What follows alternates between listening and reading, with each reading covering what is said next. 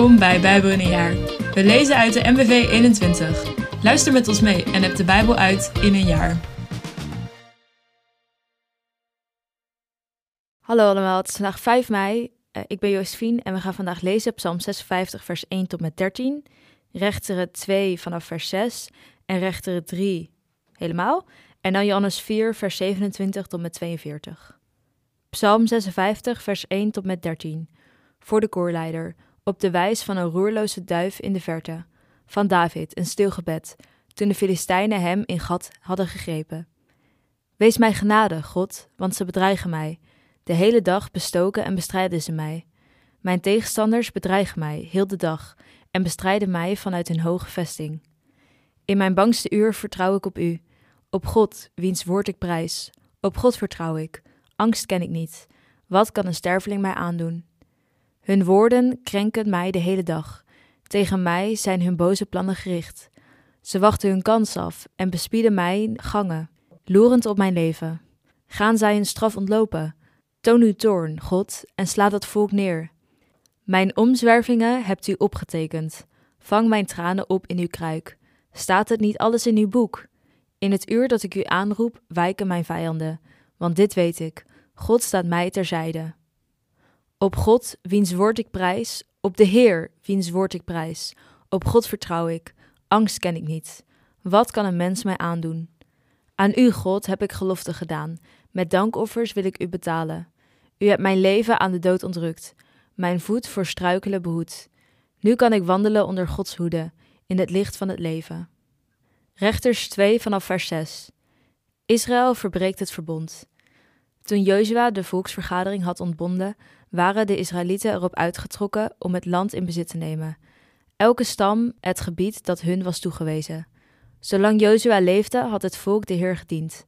Ook na zijn dood waren ze de Heer blijven dienen, zolang er oudsten waren die met eigen ogen hadden gezien welke machtige daden de Heer voor Israël had verricht.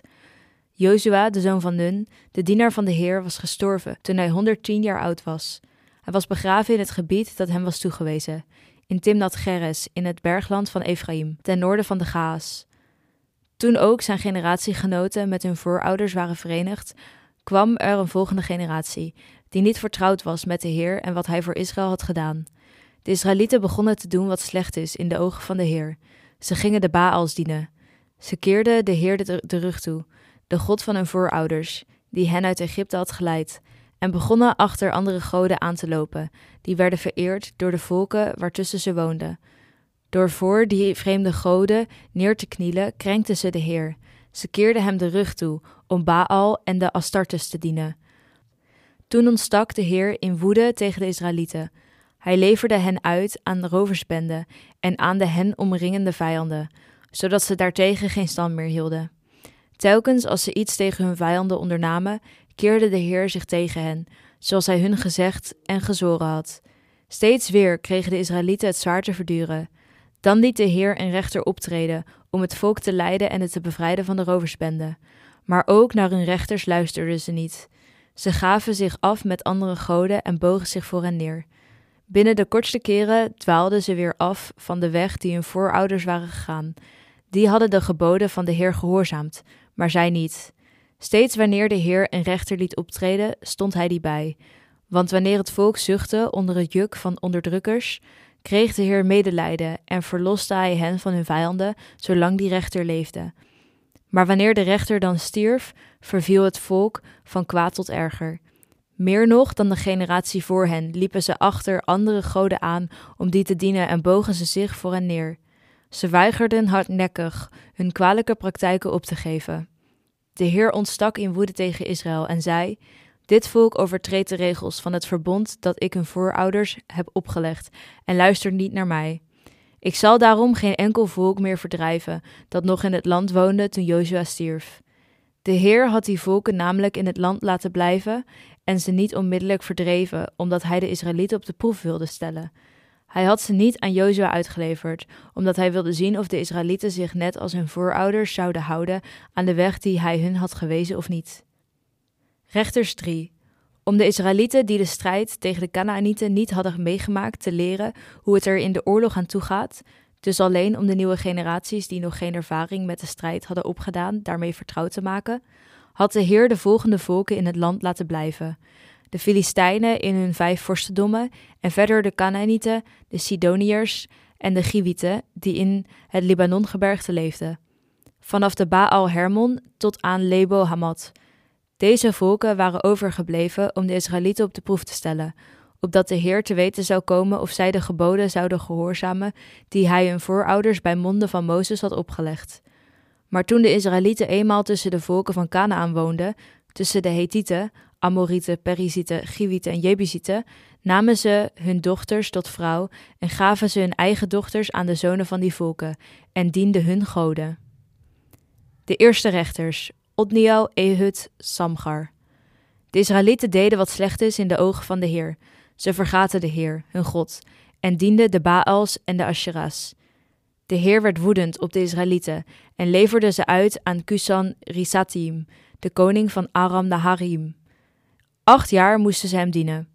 De Israëlieten riepen de Heer te hulp, en de Heer zond iemand om hen te bevrijden: Otniel, een zoon van Calebs jongere broer Kenas. Gedreven door de geest van de Heer leidde hij Israël als rechter. Hij trok ten strijde, en de Heer leverde koning Kusan Risataim van Aram aan hem uit, zodat hij hem een zware nederlaag kon toebrengen. Veertig jaar had het land rust. Toen stierf Otniel. Weer deden de Israëlieten wat slecht is in de ogen van de Heer. Daarom gaf de Heer koning Eglon van Moab macht over Israël.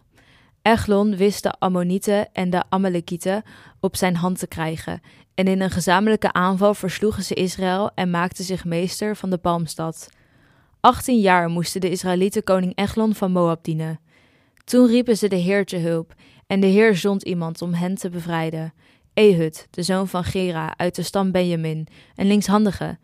Deze Ehud ging samen de Israëlieten schatting afdragen aan koning Eglon. Maar eerst liet hij zich een kort tweesnijdend zwaard maken dat hij onder zijn kleding verborg, op zijn rechterheup. Nadat hij de schatting aan de vatsig dikke koning Eglon had aangeboden, deed hij zijn dragers uitgeleiden. Maar zelf maakte hij bij de stenen beelden bij Gilgal rechtsomkeerd. Hij liet, zij, hij liet zich bij de koning aandienen met de mededeling dat hij een geheime boodschap voor hem had. Op een wenk van de koning lieten alle aanwezigen hem alleen. Ehud ging naar de koning, die zich had teruggetrokken in de koelte van zijn boventrek, en zei: Ik heb voor u een boodschap van God. Toen de koning opstond van zijn troon, trok Ehud met zijn linkerhand het zwaard van zijn rechterheup en stak het in Eglons buik. Het zwaard drong met gevest en al naar binnen. De vetkwabben sloten zich om de kling, want Ehud trok het zwaard niet terug en de hele inhoud van zijn darmen liep eruit. Ehud vluchtte via de galerij, nadat hij de deuren van het vertrek vergrendeld had. Hij was nog niet weg of de dienaren van de koning kwamen aangelopen. Ze merkten dat de deuren van het boventrek waren vergrendeld en zeiden tegen elkaar: Hij heeft zich zeker afgezonderd om zijn behoefte te doen. Ze wachten een hele tijd, maar de deuren van het vertrek werden niet geopend. Ten slotte haalden ze een sleutel en openden de deur van buitenaf, en daar lag hun heer, dood op de grond. Ehud had van hun getalm gebruik gemaakt om te ontsnappen. Hij passeerde de stenen beelden en ontkwam naar Sierra. Bij zijn aankomst in het bergland van Ephraim blies hij op de ramshoorn. Onder zijn aanvoering kwamen de Israëlieten uit de bergen. Hij zei tegen hen: Volg mij, want de Heer heeft uw vijanden, de Moabieten, aan u uitgeleverd. Ze volgden hem en bezetten de oversteekplaatsen in de Jordaan, zodat er geen Moabiet meer langs kon. De Israëlieten versloegen ongeveer 10.000 Moabieten. Hoewel het stuk voor stuk stevige, strijdbare mannen waren, ontkwam er niet één. Moab moest die dag buigen voor Israël en het land had 80 jaar rust. Na Ehud kwam Samgar, de zoon van Anat. Hij doodde 600 Filistijnen met een ossenprik. Zo bevrijdde ook hij Israël. Johannes 4, vers 27 tot met 42. Op dat moment kwamen zijn leerlingen terug en ze verbaasden zich erover dat hij met een vrouw in gesprek was. Toch vroeg niemand: Waar bent u op uit? Of waarom spreekt u met haar? De vrouw liet haar kruik staan, ging terug naar de stad en zei tegen de mensen daar: Kom mee, er is iemand die alles van mij weet. Zou dat niet de Messias zijn? Toen gingen de mensen de stad uit, naar hem toe. Intussen zeiden de leerlingen tegen Jezus: Rabbi, u moet iets eten. Maar hij zei: Ik heb voedsel dat jullie niet kennen. Zou iemand hem iets te eten gebracht hebben? zeiden ze tegen elkaar. Maar Jezus zei: Mijn voedsel is de wil doen van hem die mij gezonden heeft en zijn werk voltooien. Zeggen jullie niet: Nog vier maanden en dan komt de oogst? Ik zeg jullie dit: Kijk om je heen, dan zie je dat de velden rijp zijn voor de oogst. Nu al krijgt de maaier zijn loon en verzamelt hij vruchten voor het eeuwige leven, zodat de zaaier en de maaier tegelijk feest kunnen vieren. Hier is het gezegde van toepassing: de een zaait, de ander maait. Ik stuur jullie erop uit om een oogst binnen te halen, waarvoor je geen moeite hebt hoeven doen. Dat hebben anderen gedaan en jullie maken hun werk af. In die stad kwamen veel Samaritanen tot geloof in hem door het getuigenis van de vrouw. Hij weet alles van mij. Ze gingen naar hem toe en vroegen hem bij hen te blijven. Toen bleef hij nog twee dagen. Nog veel meer mensen kwamen tot geloof door wat hij zei. Ze zeiden tegen de vrouw: Wij geloven nu niet meer om wat jij gezegd hebt, maar we hebben hem zelf gehoord en we weten dat hij werkelijk de redder van de wereld is. Nou, amen, broeders en zusters, hij is de redder van de wereld. Wens je nog een hele goede dag toe en tot morgen. Bedankt voor het luisteren allemaal. Nog een gezegende dag en tot morgen.